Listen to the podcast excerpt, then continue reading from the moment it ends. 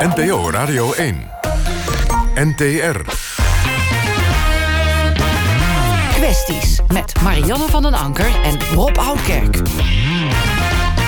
Vrienden van de radio, een hartelijk goede, mooie zomerzondagavond. En welkom bij weer een nieuwe aflevering van Kesties. Het live debatprogramma van de NTR hier op NPO Radio 1.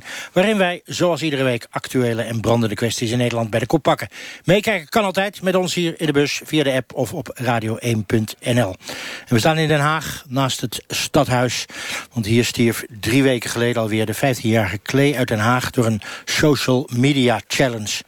En als je niet weet wat het is, je kijkt naar internet, je doet het na en je laat het leven. De grootste winnaar van de verkiezingen hier in de Hofstad, Groep de Mos... vindt dat scholen verplicht voorlichting zouden moeten gaan geven... over de gevaren van dergelijke challenges. Heeft dat zin of niet? Ik ga erover praten met schoolbestuurders, directeuren... met ouders en met iemand van de Groep de Mos. Dat zometeen, maar nu eerst naar collega Marjan van der Anker. Zij staat op de markt in Breda. Marjan. Ja, Rob, in Breda moeten bij gerechtigden een tegenprestatie gaan leveren voor een uitkering. Is dat gek, zou je kunnen denken? Eigenlijk niet, want het is sinds 2015 al landelijk beleid. En sommige gemeenten zijn er al bestuurlijke maatregelen getroffen. En sommige gemeenten zijn bestuurlijk gehoorzaam. Hier in Breda is het in ieder geval zo dat bijstandsgerechtigden onder bepaalde voorwaarden worden vrijgesteld van hun sollicitatieplicht. Wij zijn vandaag de straat opgegaan om te vragen of de inwoners van Breda vinden dat bijstandsgerechtigden een tegenprestatie moeten leveren of niet. Je moet er wel iets voor terug doen. Maar uh, het moet niet met alle, alle dwang uh, die erop zit, uh, die je erop kunt zetten, moet je erop zetten. Ja, omdat het anders mee zo makkelijk lijkt. Een uitkering krijgen zonder een tegenprestatie. Nee, geen dwang voor mij, nee. Nou, die mensen kiezen er ook niet voor om in de, in de bijstand te zitten. Eigenlijk vind ik wel voor, voor wat hoort wat. Op zich wel goed, maar ik ben ook wel voorstander voor een basisinkomen. Dus het is een beetje dubbel, vind ik. Dat hoort wel, denk ik, ja. Mag misschien nog wel meer zijn zelfs. En als mensen het niet doen, intrekken van de uitkering? Korter op de uitkering? Nee, dat vind ik waardeloos. Er zijn zoveel mensen in de bijstand die kritisch leven. En als ze dan ook nog eens die dwang erop bovenop krijgen... dan kunnen ze wel naar een psychiatrische instelling. Goed idee. Vraag me af in hoeverre je mensen echt kan dwingen... omdat je dan ja, ook op een heel ethisch gebied terechtkomt van... hoe ver kunnen we gaan? Echt een VVD-idee. Want die mensen hebben al helemaal niks. Zit al aan de onderkant. En we doen hier allemaal net gewoon in Nederland alsof die mensen, weet je wel, kunnen feesten en alles op. Dat is gewoon minimaal.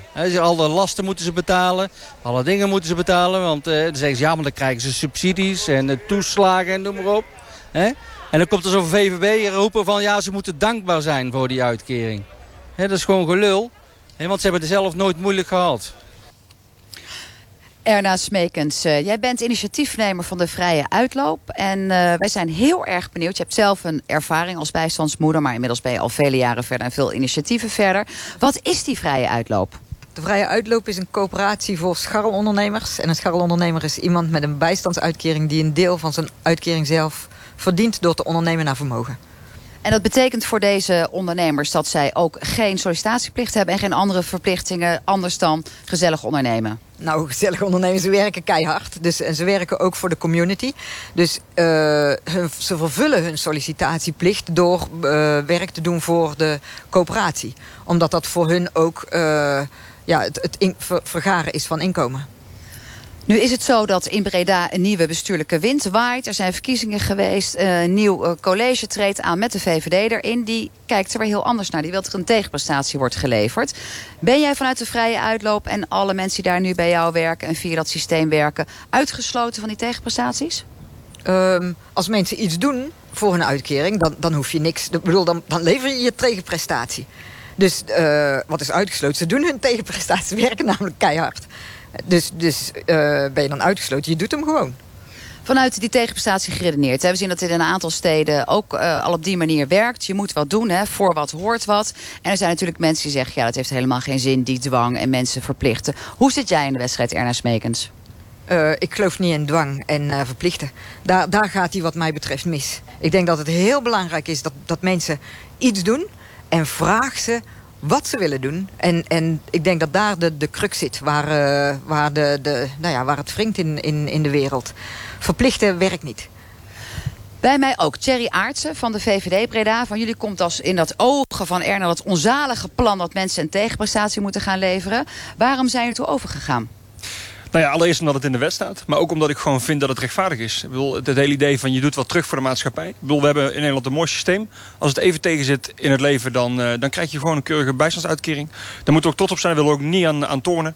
Maar ik vind het wel logisch dat we dan zeggen... God, als je dan die, die, uh, die uitkering ontvangt... wil je dan ook wat terug doen uh, voor de maatschappij? Blijft Thierry de vrije uitloop van Ernest Smekers met het initiatief vrij van de nieuwe afspraken? Het moet nog uitgewerkt worden, maar inderdaad wat Erna zegt... Uh, ze doen al zelf uh, het een en het ander. Dus dat is een heel mooi initiatief. Volgens mij moeten we dat ook gewoon zo, uh, zo laten. Het gaat ook met name om de groep die, die nog niks doet. want we zien gewoon, we hebben vier jaar lang hebben we geen regels en geen dwang toegepast. Ja, dan zien we gewoon dat het aantal bijstandsuitkeringen oploopt... terwijl het aantal vacatures verdubbelt. Dus we hebben gezegd, er moet echt een andere wind gaan waaien. Er moet een wat strengere aanpak komen... om ervoor te zorgen dat die bijna 5000 mensen in de bijstand in Breda... zo snel als mogelijk naar het werk, aan het werk kunnen. Want op dit moment staan mensen echt te springen om nieuwe collega's. En die strenge wind, wat u betreft, 20 uur per week sowieso tegenprestatie leveren. En als je een sollicitatietraining doet of uh, vrijwilligerswerk, hoe kijkt u daar dan tegenaan? Is dat een tegenprestatie? Ja, we hebben gezegd een, een, een passende tegenprestatie. Dat kan zijn het volgen van een opleiding naar gericht werk waar echt uh, mensen nodig zijn. Denk aan de techniek of denk aan de zorg. We hebben gezegd, het, het, gewoon, je mag zelf ideeën aanleveren. Dus bijvoorbeeld zelf de kinderboerderij gaan werken. En als je echt niet wil, dan gaan we zelf dingen bedenken. Zoals het ophalen van zwerfvuil of dat soort zaken. Nou Erna, dat valt toch eigenlijk wel mee als je dat zo hoort? Ik heb nooit gezegd het waar het voor mij over gaat, is de dwang. En ik denk, als je mensen gaat vragen wat je graag wil... Wat, waar, waar ik in Breda echt hele goede ervaringen mee heb... dan, dan en mensen hebben een idee, die wil ik graag en dat kan... dan denk ik dat... dat, dat maar is dat is dus dwang, hè? Want van de VVD hier moet men straks sowieso 20 uur gaan tegenpresteren. Daar zit een beetje waar we met z'n allen ons hart voor vasthouden. Hoe, hoe, hoe werk je dat dan uit? Wat gaat dwang betekenen? Wat betekent het als iemand niet wil? Ga eens met mensen in gesprek. Wat zit daarachter? Wat nou, Thierry, je moet eerst gaan praten voordat je tegen mensen gaat zeggen... ga maar vuil opruimen en 20 uur werken. Nou ja, goed, eh, als mensen iets willen terugdoen voor de maatschappij... dan hadden ze dat al kunnen doen. En ik ben blij, net als Erna, die, die mensen zijn er ook gewoon. Die moeten we volgens mij ook gewoon eh, stimuleren en zorgen... dat we zo snel mogelijk aan een baan komen. Maar er zijn helaas ook gewoon mensen die dat niet uh, doen. Ja, dan vind ik het ook wel zo rechtvaardig. Ook tegen die mensen die allemaal netjes belasting betalen... en hard werken om die uitkeringen te kunnen betalen. Dat je zegt, jongens, je moet wel wat terugdoen voor die maatschappij. En we vragen er om een kleine bijdrage. Nou, 20 uur in de week is volgens mij dan een prima, prima maatregel. Is dat voor u ook bedoeld omdat men dan ook niet 20 uur lang zwart bij kan verdienen? We verwachten ook dat er een groep zal zijn die zeg maar, geen tijd hebben om de tegenprestatie uh, te leveren. Ik weet niet hoe groot die groep is, maar we gaan wel van het positieve uit. Uh, het is vooral bedoeld om mensen te activeren om weer mee te doen in die samenleving. Uh, om een bijdrage te leveren, om iets terug te doen voor die maatschappij. En wat ik al zeg, op dit moment staan echt heel veel weggevers te springen om mensen. Dus het moet echt gewoon veel beter om die mensen aan een, aan een baan te helpen. Het is natuurlijk een eh, stevig politiek debat hier... die vaak ook draait uh, om hoe ga je om met die sollicitatie participatieplicht. Hoe ga je om met die participatiewet? En ook wel geen basisinkomen. Vorig jaar zijn wij eh, met kwesties in Almere geweest. En hebben we gesproken ook over die tegenprestaties van bijstandsgerechtigden. Daar is een initiatief toen ontstaan voor een regelarme bijstand.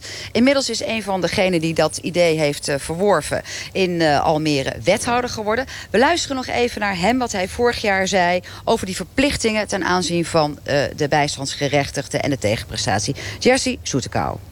Hartstikke leuk, die solidariteit. Maar die gaat ten koste van wat vroeger echte banen waren.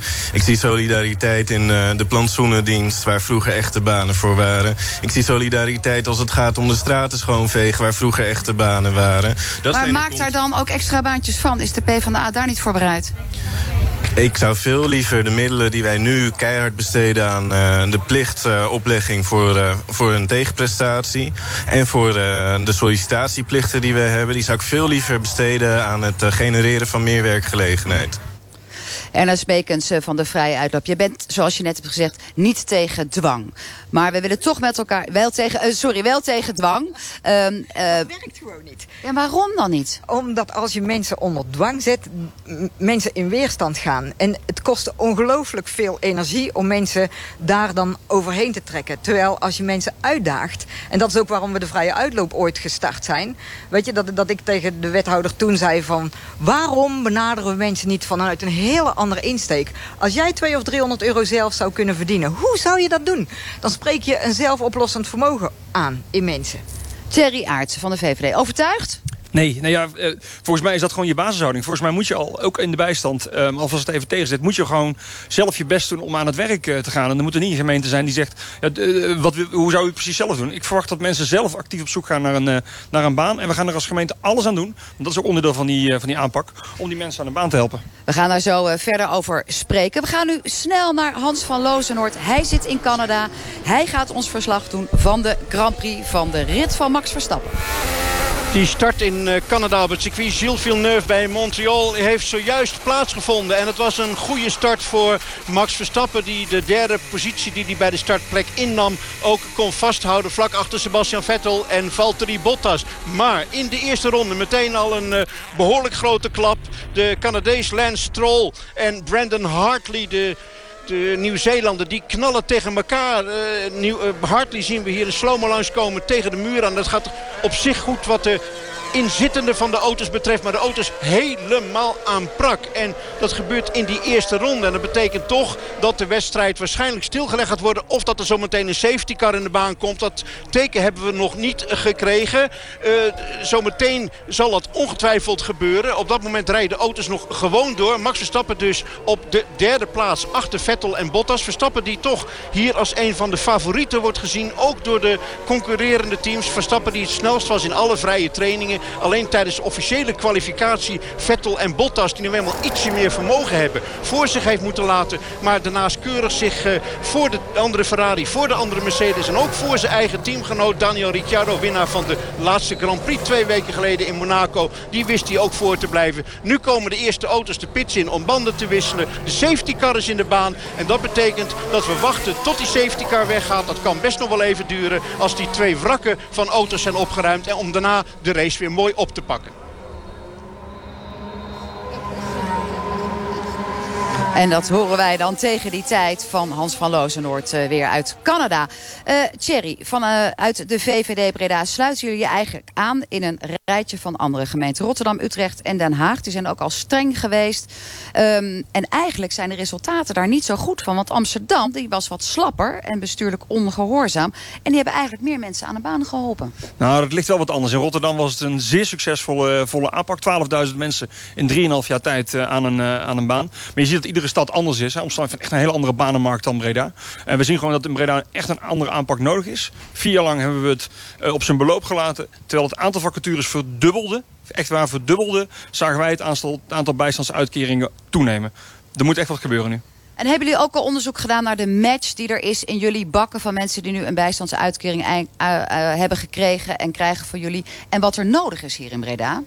Ja, je ziet daar een, een mismatch. Vandaar dat we ook gezegd hebben, je kunt ook onderwijs volgen als tegenprestatie belangrijk. Maar wat we ook hebben gezegd in die aanpak is, we moeten ook naar een filosofie waarbij de eerste baan uit je uitkering is niet je droombaan. Dat is een baan die, die, waar mensen enorme tekorten in hebben zitten. Waar mensen nodig hebben. En vanuit daar kun je misschien doorgroeien naar je droombaan. We moeten wel accepteren, de eerste baan is niet je droombaan. Erna, het laatste woord uh, is aan jou. Jij bent tegen dwang. En jij moet denk ik toch heel Nederland overtuigen van het feit... dat mensen uit zichzelf aangespoord door wellicht uh, een initiatief als de Vrije Uitloop... uiteindelijk zelf heel graag willen werken. Nee, ik denk niet dat ik heel Nederland moet overtuigen. Ik denk dat heel veel mensen in Nederland echt weten dat, dat, het, dat dwang niet werkt. Dat is ook in allerlei wetenschappelijke onderzoeken zo ongelooflijk be, bewezen. En ik denk wel dat het belangrijk is dat mensen in beweging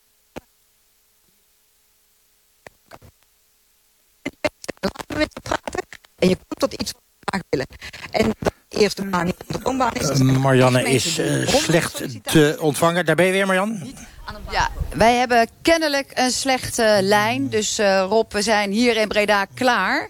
Ook met de discussie, omdat het ook technisch niet verder mogelijk is. Heel veel plezier uh, van ons toegewenst met de rest van de uitzending. Dankjewel Marjan uit Breda en excuses voor de techniek. Uh, wij staan in Den Haag. Drie weken terug stierf hier de 15-jarige Klee... door de gevolgen van een social media challenge. Die challenges uitdagingen. Dat zijn een soort opdrachten. Die worden dan verspreid via het internet. En dat kunnen hele onschuldige dingen zijn. Zoals je mond vol stoppen met marshmallows... en dan heel hard chubby bunny roepen. Maar het kan ook een zogenaamde choken Challenge zijn. Een opdracht waarbij de keel wordt dichtgeknepen om in een soort van roes te komen. En hierdoor stier vorig jaar al de 16-jarige Tim. De Haagse coalitiepartij Groep De Mos wil nu dat alle scholen verplicht les gaan geven over de gevaren van deze challenges, van deze uitdagingen. Maar hoe denkt het onderwijs erover? We gaan er zo direct over praten hier in kwesties. Maar eerst bij ons uh, Geert en Anita Reinders, de ouders van Tim. Jullie zoon uh, is ook overleden vorig jaar. Wat was Tim voor een jongen? Vraag ik me eerst aan de moeder, hè? Ja. Ja, echt een super lieve jongen. Ik heb het al zo vaak gezegd. Heel integer, heel lief, heel bescheiden. Uh, zonder leedvermaak. Hij zou nooit over de ruggen van anderen grapjes uithalen... of uh, iets vervelends zeggen of zelf leuk willen zijn. Hij liet iedereen in zijn eigen waarde. Heel slim, kon ontzettend goed leren. Ja, het was gewoon echt een schat. Was gewoon echt een schat. Echt een schat. En wisten jullie dat hij dit soort dingen deed? Nee, absoluut niet. We wisten, hij zat natuurlijk veel op zijn kamer. Hij um, ja, was veel online. Hij um, gamede.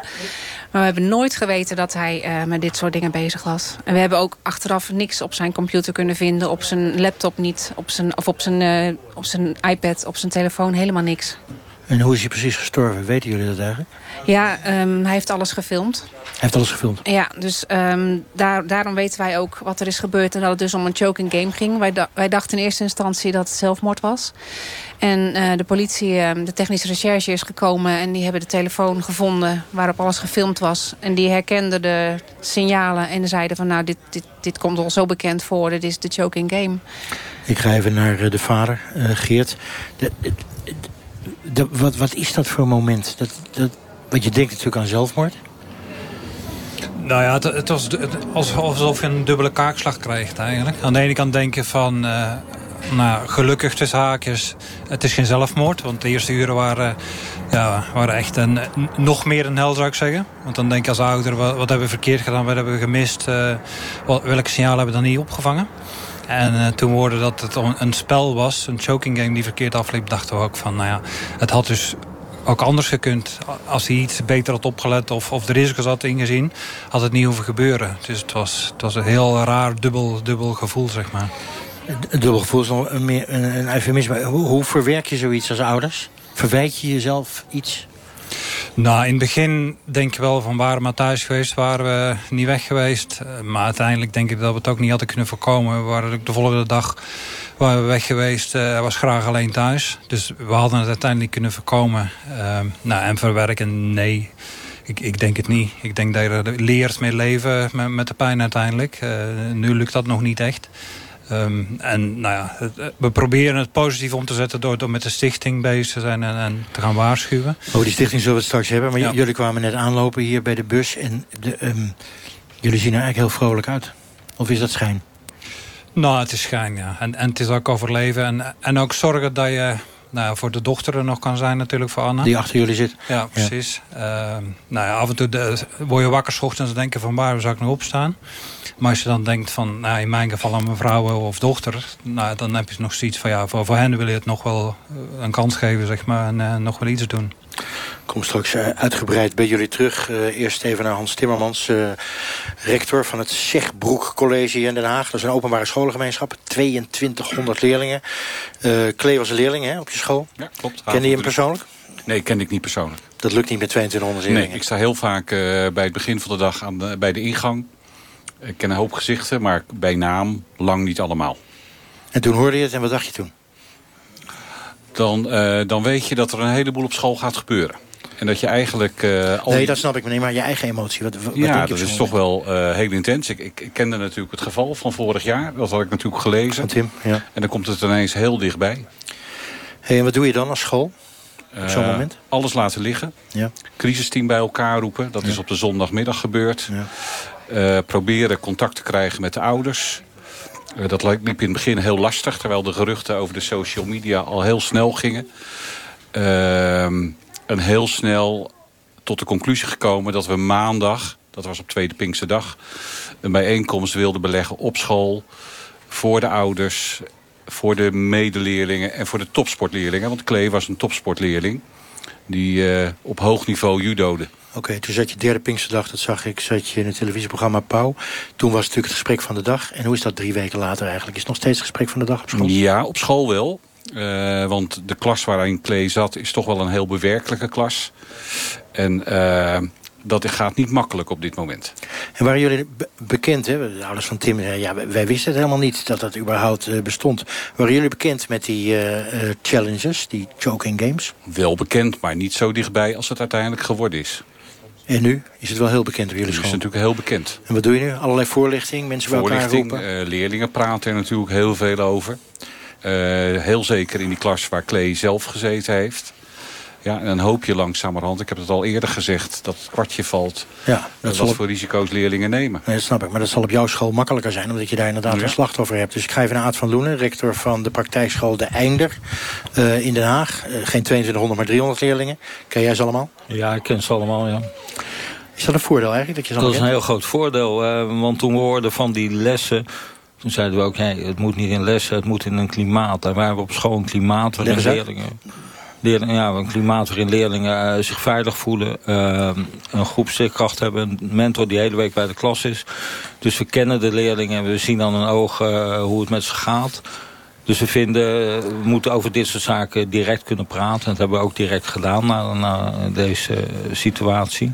En zo doen we over alles wat in het journaal voorbij komt. En help mij. Ehm, kan je aan die 300 leerlingen bijvoorbeeld aan eentje zien... dat die anders is dan een andere... waardoor die bijvoorbeeld meer risico loopt als je aan dat soort games mee zou doen? Nou, dat kan je niet altijd zien, maar je gaat wel in gesprek met leerlingen. En, en omdat er een veilig klimaat is, hoop je dat ze daar ook over praten. En dat doen ze ook. Dus dan, dan hoor je wel waar ze mee bezig zijn.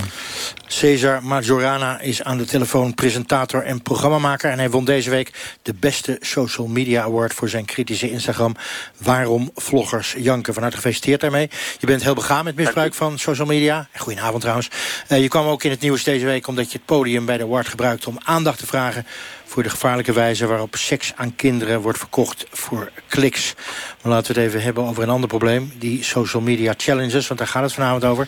Veel vloggers die we gesproken hebben stonden nou niet bepaald te trappelen om aan deze uitzending mee te doen. En dan eh, zeg ik het nog een beetje beleefd. Jij twijfelt ook even, begreep ik. Wa- Waarom, waarom twijfel je dan om aan zo'n uitzending mee te doen? Nou ja, ik, ik snap sowieso de vloggers en ik weet dat mijn eigen eerste reactie is meteen als het de dood van, eh, nou in ieder geval een van mijn leeftijdsgenootjes betreft, ja, ik schrik me kapot natuurlijk. Dat is zo kwetsbaar en dat is zo gevaarlijk en zeker in die tijden van schrik is het belangrijk om goede gesprekken met elkaar te voeren. En ik snap dat veel vloggers zich gewoon niet gewapend voelen daarvoor. Je moet je voorstellen, de jongeren die vlogger worden, zijn al, die gaan niet meer studeren, weet je wel. Die zijn dan 20, 21 jaar oud, hebben dan een eigen bedrijfje, die vallen die wereld in. En die zijn ja, niet gewapend voor dit soort zware discussies waar uiteindelijk de dood bij komt kijken. Begrijp ik, maar, maar begrijp ik het dan goed dat vloggers misschien uit schuldgevoel van... Hè, wij gooien van alles op het net ehm, eh, en, en die kinderen volgen dat... dus wij zijn een beetje medeschuldig voor wat er gebeurt met die kinderen, zoiets? Ik zou het zeker geen schuldgevoel noemen, maar ik denk wel dat als je kijkt naar de vlogcultuur... Nou, we zijn nu misschien s- eh, ja, acht jaar bezig als we, als we dat ruim nemen. Ja, een kind van acht, al- als we de vlogcultuur als een kind zouden bekijken... een kind van acht weet gewoon nog niet helemaal wat zijn identiteit is. En ik merk dat in Nederland de vlogcultuur steeds langzaam een beetje een identiteit begint te krijgen. We weten inmiddels dat het niet meer oké is om te adverteren aan kinderen. Maar ja, dan komt het aan op challenges zoals deze. En dan wordt het voor veel vloggers moeilijk om een onderscheid te maken tussen een leuke video en iets dat potentieel levensgevaarlijk is. Maar waar, snap ik heel goed. Maar waarom zou je het eigenlijk doen, al die gevaarlijke stunts op eh, social media? Je kan ook hele andere dingen doen, toch? Nou ja, kijk, gevaarlijke stunts zijn van alle tijden. Ik heb, ik heb als kind ook genoeg rondgerend en ben hard genoeg gevallen en heb de littekens om dat na te vertellen. En ik weet ook nog dat ik Jackass huurde bij, eh, bij de videotheek op VHS nog destijds. Wat ook gewoon een compilatie van mannen Ja. die twee uur lang stunts doen is. Ja, ja. Maar ja, eh, door de verspreiding van sociale media en die telefoons in onze broekzak is het natuurlijk gewoon heel makkelijk om dit soort beelden te verspreiden. Dus je, je zou het idee kunnen krijgen van god, er wordt veel meer gestunt, veel meer gek gedaan. Maar ik denk simpelweg dat het gewoon opeens vastgelegd wordt. Dus nu zien we het eindelijk. Het is gewoon gemoderniseerd, zou je zeggen... terwijl het eh, oude wijn misschien in een nieuwe zak is. Eh, blijf nog even hangen, eh, ik kom nog bij je terug. We hebben het ook aan jongeren op straat gevraagd... waarom jongeren nou zo'n behoefte hebben aan dat soort spanning... en dat soort uitdagingen. Luister even mee. Ehm, ja, goede vraag. Voor de, ja, het is leuk om nieuwe dingen aan te gaan of zo, denk ik. Spannend of zo. Omdat ze ja, kunnen ze aan hun vrienden laten zien, kijken wat ze hebben gedaan, erom lachen. Nou, eh ja, weet ik niet. Ze vinden dat gewoon leuk. Ze zijn een beetje gay. Ehm, ja, weet niet. Misschien wel eens een stoer doen of zo voor hun vrienden of zo. Weet ik niet, een kick of zo. Ja, ik werd uitgedaagd en als je mij uitdaagt, dan doe ik het gewoon. Eh, omdat het grappig is. Dan kan je erom lachen. Ik weet niet, kijk, het is zeg maar als, als ik verlies met een challenge of zo... Ik ben wel echt een man van mijn woord. Ik bedoel, als ik nu zeg dat ik hier ga breakdance of zo... en ik verlies met die challenge, dan doe ik dat ook echt. Aan de telefoon nog steeds uh, Cesar Majorana, winnaar van de beste social media award. Uh, zijn het meer jongens of meer meisjes die die uitdagingen doen? Uh, Oeh, lastig. Ik, zou, ik, ik weet niet hoe, uh, hoe homogeen die groep is. Ik, ik, ik hoop dat het goed verdeeld is, maar ik kan me voorstellen dat jongeren veel sneller een soort cultuur onderling ontwikkelen in de kleedkamer... waarin uh, inderdaad elkaar overtreffen uh, erbij hoort. Ik, ik denk ook meteen aan voetbalsupporters die uh, op het plein in Rome staan... en die beginnen met het gooien van muntjes naar bedelaars... en okay. eindigen met het in de fik steken van brieven. Snap ik. Ga je even onderbreken, ga je even want er zijn altijd nog belangrijkere dingen dan dit. wij gaan even naar Canada, naar de Grand Prix, naar Hans van Looswoord. hoe is het, Looswoord, hoe is het met Max Verstappen? Uh, met Max Verstappen gaat het goed. In zoverre dat hij op de derde plaats ligt. We zijn ondertussen alweer vijf ronden aan het race. De safety car heeft uh, de piste verlaten. Uh, de twee wrakken van, van Hartley en, en zijn collega's zijn opgeruimd. En van Lance Stroll moet ik zeggen. En op dit moment gaat Sebastian Vettel aan de leiding. Hij doet het prima. Meer dan drie seconden voorsprong op Valtteri Bottas. En daarachter zit Max Verstappen. Die op zijn beurt weer anderhalve seconde voorsprong heeft op wereldkampioen Lewis Hamilton. Die niet bij de Nederlander in de buurt komt. En ja, op zich is het natuurlijk prachtig dat Verstappen op de derde plek rijdt. Maar uh, de bedoeling was wel om in het begin van de wedstrijd aan te vallen. Uh, Verstappen rijdt op uh, banden die iets meer grip hebben aan het begin van de wedstrijd. Waarmee hij meer snelheid kan maken. En waarbij hij in feite zijn slag zou moeten slaan ten opzichte van Vettel en Bottas. En ja, die poging is vooralsnog niet gelukt. Verstappen zou moeten wachten. Misschien wel tot de pitstops. Aan de andere kant, hij staat er bekend omdat hij heel zuinig met zijn banden kan omspringen. En dat is natuurlijk ook een kwaliteit. En dat kan hem in de loop van de wedstrijd natuurlijk ook een groot voordeel opleveren. Voorlopig ligt hij op de derde plaats achter Vettel en Bottas. We zitten in de twaalfde van in totaal 70 ronden. Dankjewel Hans. En wij hier in de bus hopen dat jij er weer in komt... als Max Verstappen naar twee of nummer één positie opschuift. Aan de telefoon nog steeds uh, Cesar Majorana. Ik onderbrak je net even uh, voor Max Verstappen. Uh, jij bent een social media goeroe, zou je kunnen zeggen. Praten jullie nou als goeroes ja, gewoon, onderling? gewoon een jongen met een internetverbinding. Ja, oké. Okay. ik noem het even social media goeroe. Nou, dat is dan een geuzennaam. Maar praten jullie onderling over die social media challenges... met, met al de, laten we maar zeggen, mensen die daar actief zijn?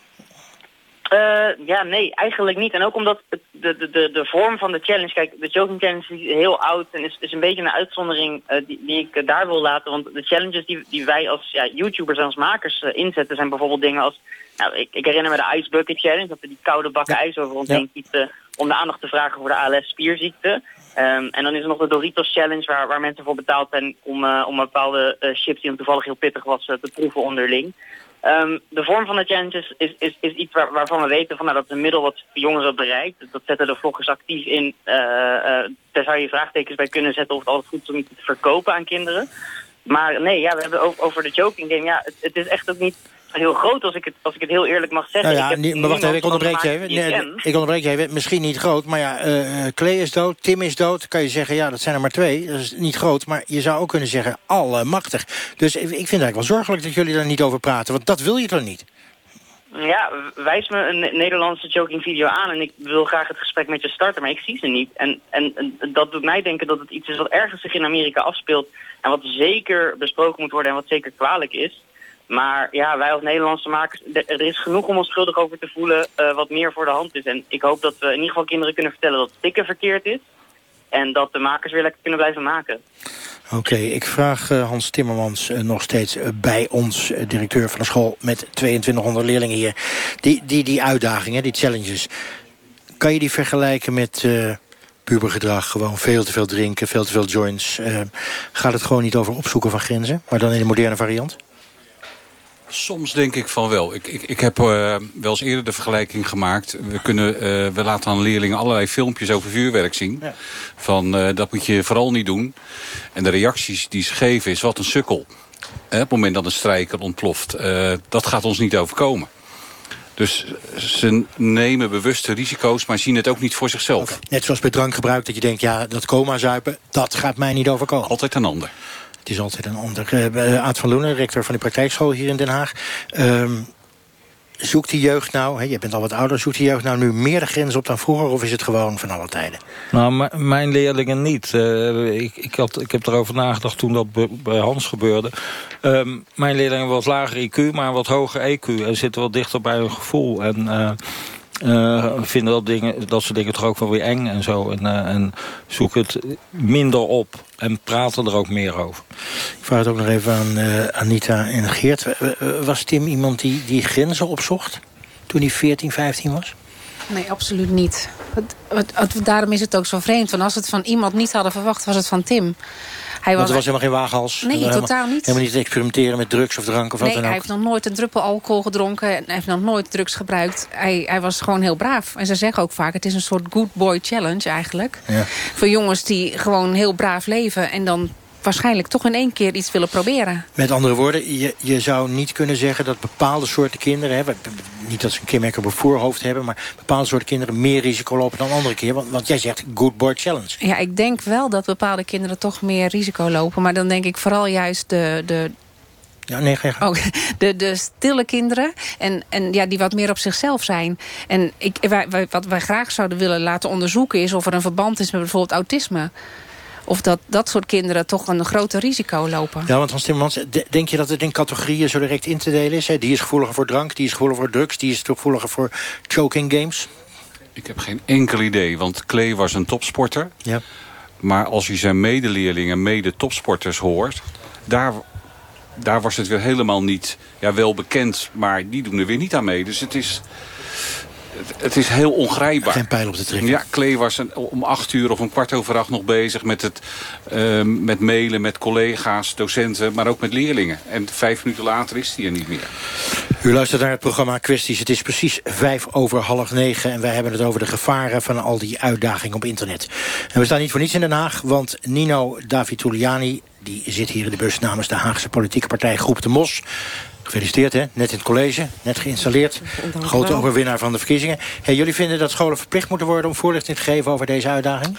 Ja, dat vinden wij eh, zeker eh, nu er al het tweede slachtoffer eh, is eh, gevallen. Met eh dodelijk eh, afloop. En eh, ja, het leeft heel erg. Ehm, het is een opkomend fenomeen. En we vinden dat er meer aandacht voor moet eh, zijn. Nou heb ik ook in de politiek gezeten, dus ik weet... je kan altijd iets zeggen, maar vervolgens gaat het erom... en hoe gaan we dat dan doen? Hoe moeten die scholen dat doen? Kijk, de scholen, die, eh daar moeten we aan scholen zelf eh, overlaten... hoe zij daar eh, vorm aan gaan geven. Maar ja, wat ons betreft kan het ook bij de les maatschappijleer worden eh, behandeld... Komt er extra geld voor? Of eh, zeg je, die school moet het zelf maar zien... en het moet binnen dat budget?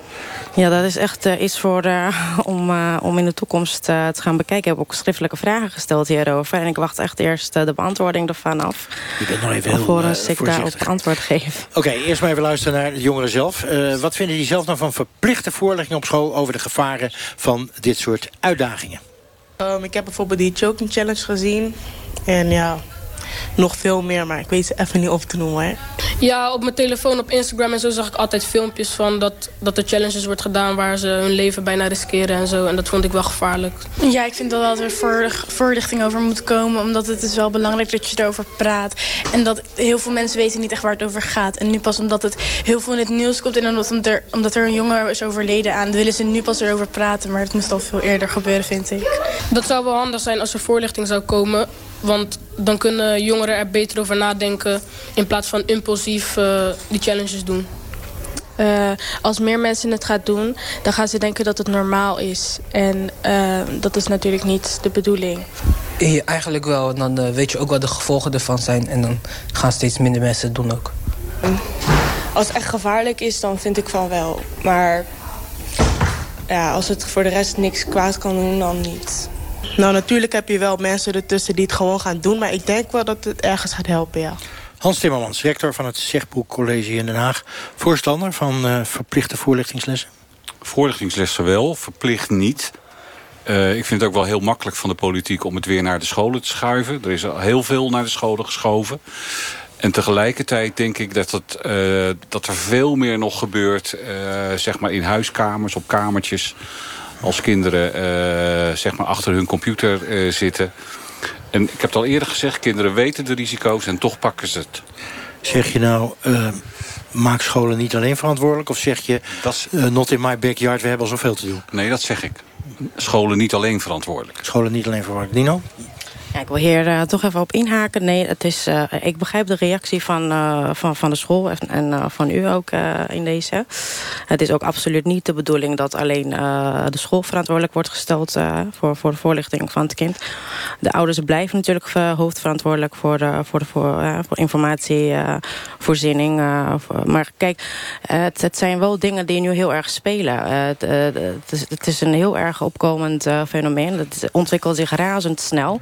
En voordat ouders dat in de gaten hebben... kan het soms echt heel erg slecht aflopen. Dus in die zin vinden we het belangrijk dat het van twee kanten komt. Uh, zodat wij uh, zulke uh, dodelijke gevallen in de toekomst kunnen voorkomen. Wat ik goed begrijp is dat je eigenlijk met je schriftelijke vragen zegt... luister, het is nu twee keer gebeurd hier in Den Haag. Het is een opkomend fenomeen. hoe de uitvoering uiteindelijk gaat, dat weten we nog even niet. Maar er moet hier veel ja, meer aandacht het is twee keer gebeurd wat, wat bekend is, inderdaad. er zijn gevallen blijkbaar bekend waarvan de, het niet officieel bevestigd is. Uh, wij weten niet precies waarom uh, niet. Uh, maar goed, in het buitenland gebeurden dingen ook. Oké, okay, je zegt het, dit is het topje van de ijsberg. is in 2015 ook twee keer een, een, kind slachtoffer geweest van zo'n challenge. ook elders in het buitenland. Wij vinden het echt redenen genoeg om, om er nu echt maatregelen te kunnen nemen. Cesar, kan je niet zien, want je bent aan de telefoon... maar ik hoorde wel dat je wou reageren.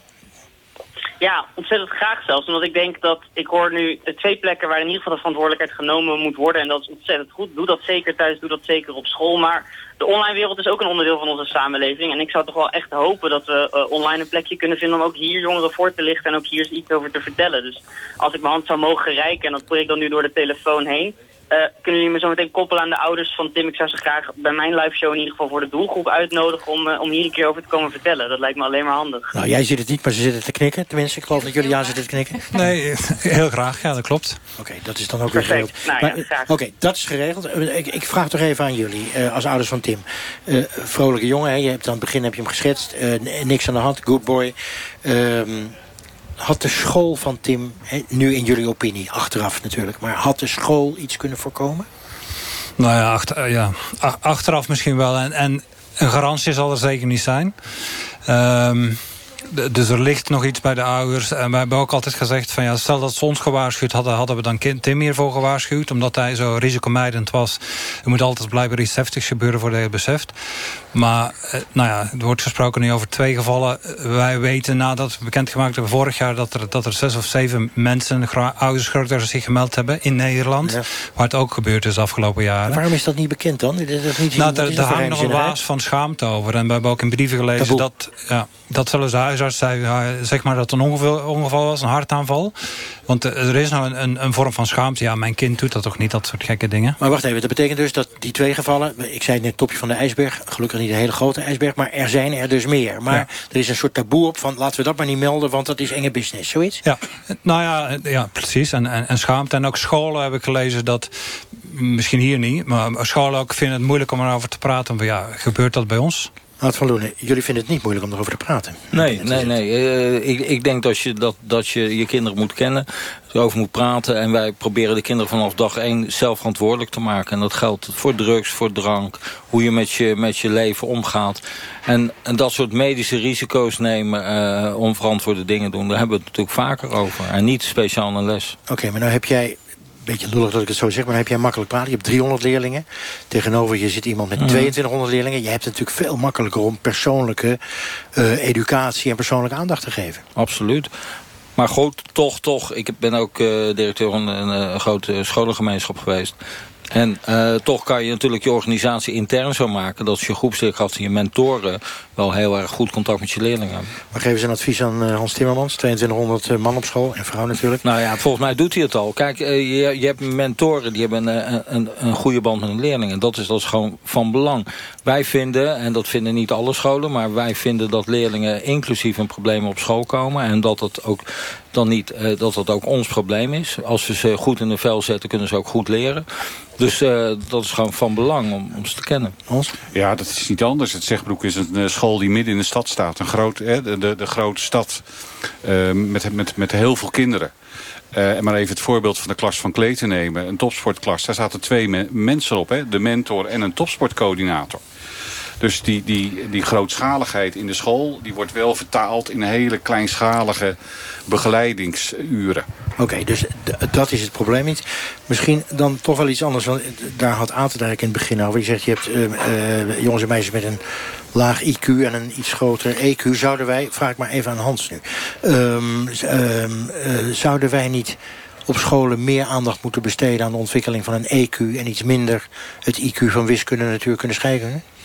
Ja, het is de combinatie natuurlijk. Hè. Ik denk dat het ook gebeurt hè, bij lessen, eh, bij maatschappijleer, bij lessen, uh, bij, bij het mentoruur... waar juist zulke soort aspecten natuurlijk ook een belangrijke rol spelen. En hoe monitoren jullie nou de problemen van een VWO-leerling of VWO-leerling? Je hebt ze allemaal onder je, hè? dus hoe monitor je dat? Hoe, hoe, hoe, hoe leg je dat vast? Nou, het, heel belangrijk is, is daarin de mentor. Uh, die heeft bij ons echt een speelfunctie in de school heel erg... Maar als die mentor ziek is, dan kan ik, stel dat ik uh, invalmentor ben... Oké, dan weet ik het wel. Ja. En het is natuurlijk zo gebeurd. En als je het op een gegeven moment ziet, dan ja, eh, dat is mooi. Maar als je het niet ziet, kan je te laat zijn. Ja, klopt. Voel je nou door deze gebeurtenissen een soort extra druk op je als baas van zo'n school? Ja, je hoopt dat het nooit meer gebeurt. Maar garantie heb je maar tot de voordeur. Maar heb je het gevoel van, het is nu gebeurd hier met Klee... Er wordt nu met argusogen naar mijn school gekeken. Hè, dat is hier gebeurd.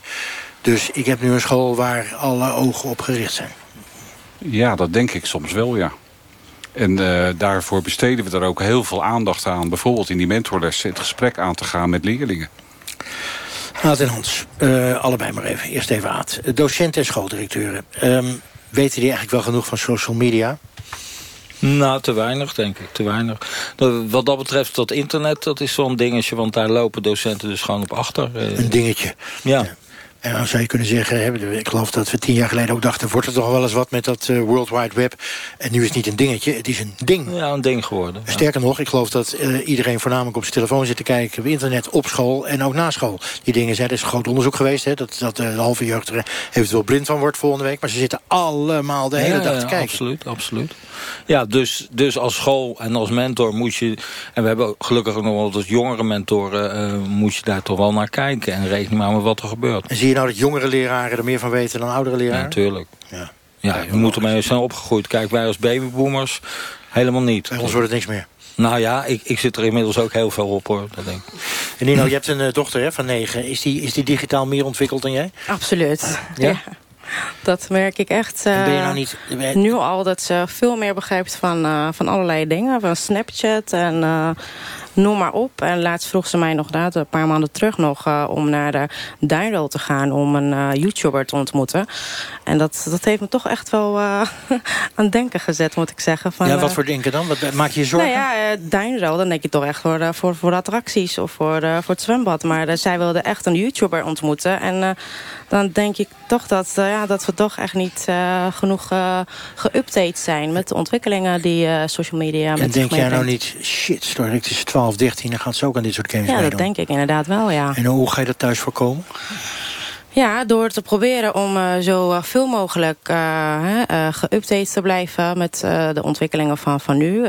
wat, er, wat er leeft, wat er speelt. en ook, net zoals ik net aangaf, waarom wij het zo belangrijk vinden dat scholen hier ook aan meedoen, is dat ook ouders heel erg machteloos zijn in dat geval. U zei net ook van dat, dat, dat u niet van heel veel af weet van, van internet. Nou, dat is voor, voor ouders ook het geval. Ja. Dus hulporganisaties die weten wel meer over. En in samenwerking met scholen uh, kunnen zij veel meer bereiken.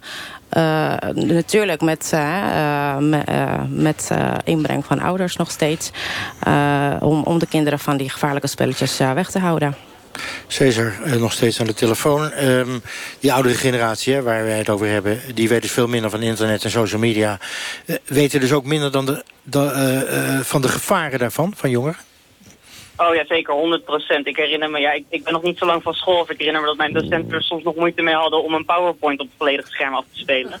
Dus ik, ik wil niet eens weten hoe het nu gesteld is met wat ze van de vlogcultuur weten en wat er online allemaal gebeurt en te vinden is. Voor ze weten er dus eigenlijk geen donder van, waar je zeggen. Ze weten er helemaal niks van. Zeker hey, niet. En, nou, Dat Ja. kunnen we de docenten bijna niet kwalijk nemen. Het is natuurlijk een hele kwetsbare groep mensen die ontzettend gepassioneerd zijn, maar ja, ook onderbetaald worden en ook niet alle uren kunnen maken die ze willen. Oké, nog even een pleidooi voor eh, meer geld naar het onderwijs eh, tussendoor...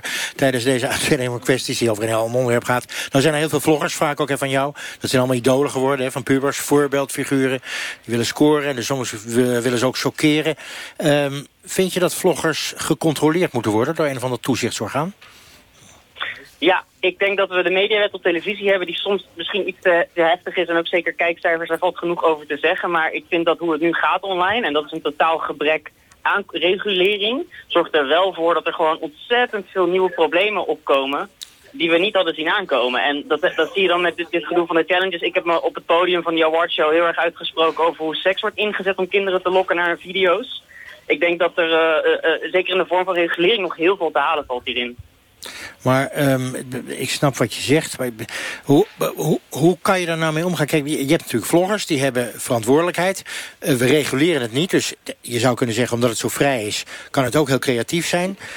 Wat moet je nou doen? Moet je nou vanuit de overheid iets gaan doen van... eh, we zetten daar een commissie op, we zetten daar een toezichtsorgaan op.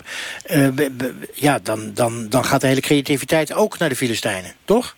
Nee, zeker niet. Nee, ik denk dat, dat er gewoon een paar simpele maatregelen nodig zijn om gewoon een dingen die te ver gaan te reguleren. En ja, als je hier tegen zou zijn, dan zou je ook tegen een, een, een, een, een, eh, kijks, eh, kijkwet zijn. Ik, ik ben de mediawet denk ik super dankbaar dat mijn zusje niet naar porno hoeft te kijken in de middag. Ik zou ook dankbaar zijn als die mediawet eh, gewoon op YouTube geldig was. Aha, dus je, eigenlijk zeg je dat de verantwoordelijkheid van een social media bedrijf als YouTube... ehm, eh, dat zou een andere verantwoordelijkheid moeten worden.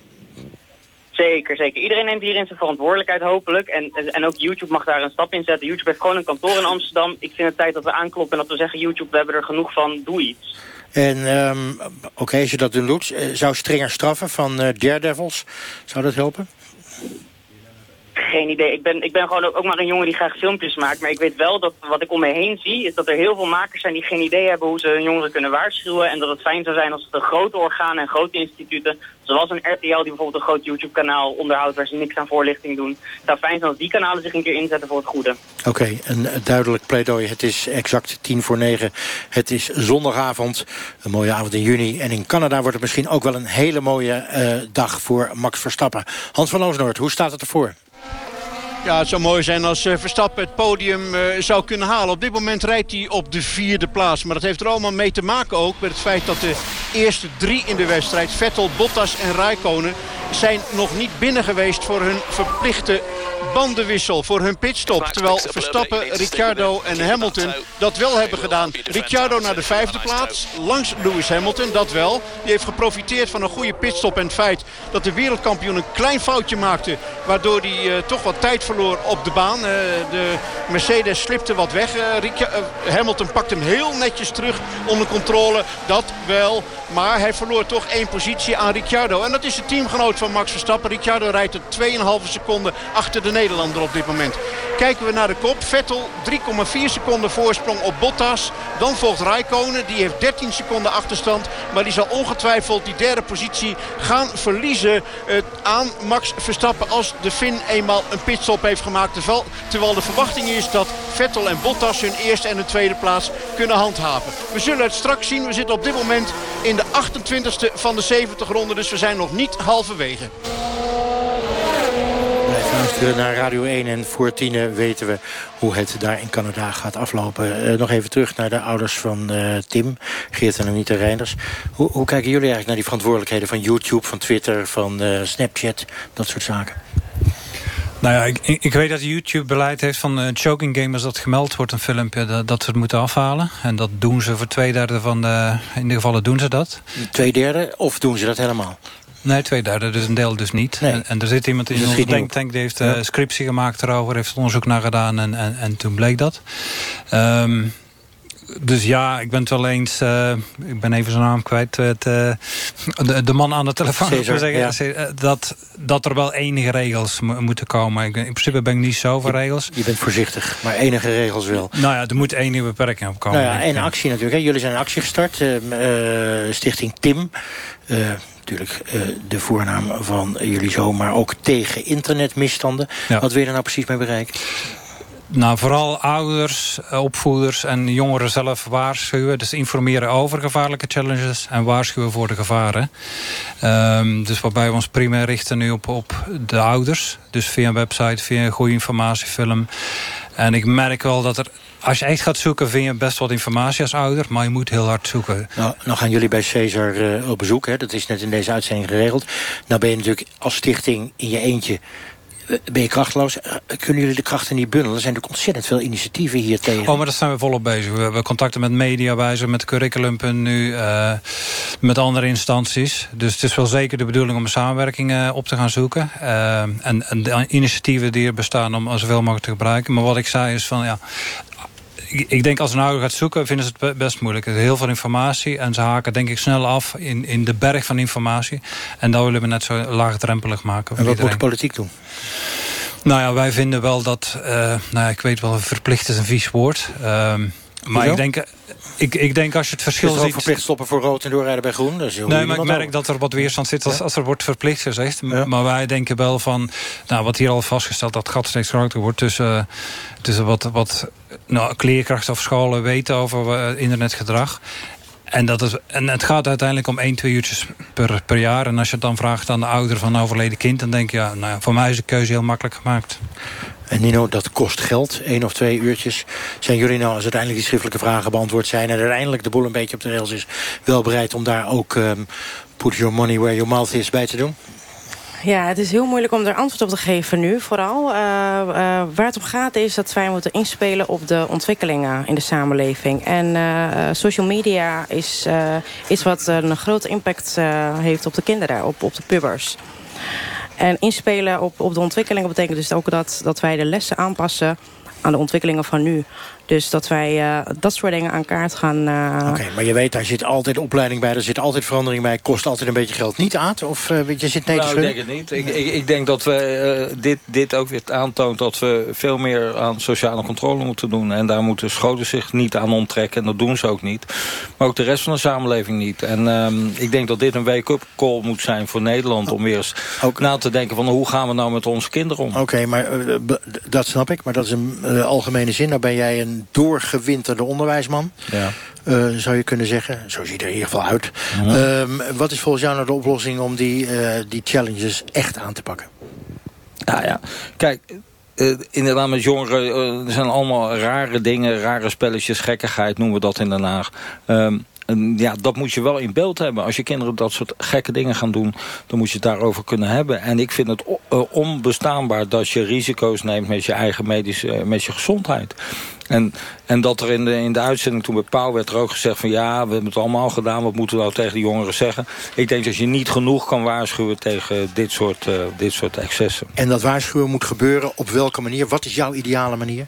Ideale manier is om je kinderen te kennen en dat gewoon elke dag te doen en actueel te doen. En inderdaad meteen te reageren op dat soort signalen. En als je nee, dit... snap ik. Maar om drie uur gaan ze bij jou weg en dan gaan ze echt niet naar huis. Maar gewoon met vriendjes zitten gamen en spelen. Dus, en wie doet daar de controle? Kunnen jullie als school niet doen? Nee, maar wat daarnet werd gezegd uh, door die vlogger... dat inderdaad op die media uh, daar dan ook eens wat genuanceerder over dat soort dingen gesproken wordt. En dat is sowieso het probleem. Hè? Ook op uh, alle, allerlei bij televisiezenders en zo. Er wordt van alles getoond zonder enige kritiek. Nou, dat zal eens wat anders moeten. Hè? Verantwoordelijkheid pakken. En daar is ook op te waarschuwen. Want dat zijn de media die ook die de jongeren bereiken. Televisie ook? Ja, tuurlijk. Of ik, ik ken eigenlijk bijna geen jongeren meer die televisie kijken. Ik bedoel, nee, nou, maar wel via, wel via een telefoon hoor. Maar wel via een telefoon, ja. dat, dat zit jij stiekem ook wel mee te kijken. Ja. Uh, even een laatste vraag aan jou, Aad, uh, doorgewinterde onderwijsman. Ik blijf maar even zeggen. Optimistisch of pessimistisch? Ik ben altijd optimistisch. En ja, ik denk dat leven, maar uh, wat dit betreft? Nou, ook wat dit betreft. Ik denk, dat, ik denk dat, dat we hier weer van moeten leren en wakker moeten zijn. Maar dat we met z'n allen, als we onze gezamenlijk verantwoordelijkheid pakken... en dus ook iedereen uh, dat, het, dat het gewoon optimistisch is. Ik dank uh, jullie allemaal hier voor je aanwezigheid in de bus. We gaan er ongetwijfeld nog veel van horen. Tot zover deze uitzending van Kwesties. Volgende week zondag zijn we er weer ergens in het land. En hebt u een kwestie die u in deze bus zou willen bespreken? Discussieer mee op onze Facebookpagina van Kwesties. Of mail ons kwesties.ntr.nl Zometeen Radiodoc, een documentaire over een van de meest baanbrekende en invloedrijke romans van de 20e eeuw. Ulysses van James Joyce. Ik wens u een prachtige zomerzondagavond.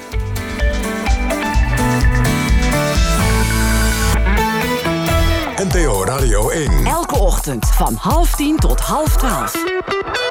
Guilaine Plag met Spraakmakers. Doen wij ons werk als journalistiek wel goed genoeg? Ik denk dat het ook te maken heeft met dat media steeds breder begrip wordt. Een studio met bevlogen gasten. Wat zijn journalisten dan? Dan hebben mensen geen idee. Het is in ieder geval iets wat stemt tot zelfkritisch zijn. Het Mediaforum. Ik zag wel ook dat de jongeren wel steeds meer vertrouwen in de media hebben. De vertrouwde nieuwsquiz. Hartstikke goed gedaan, toch? Niet ontevreden. Dat zien wij graag. En stand.nl. Ik solliciteer me echt de vinketering. Waarom doet de politiek niks? Spraakmakers. Elke werkdag van half tien tot half twaalf. Op NPO Radio 1. Het nieuws van alle kanten.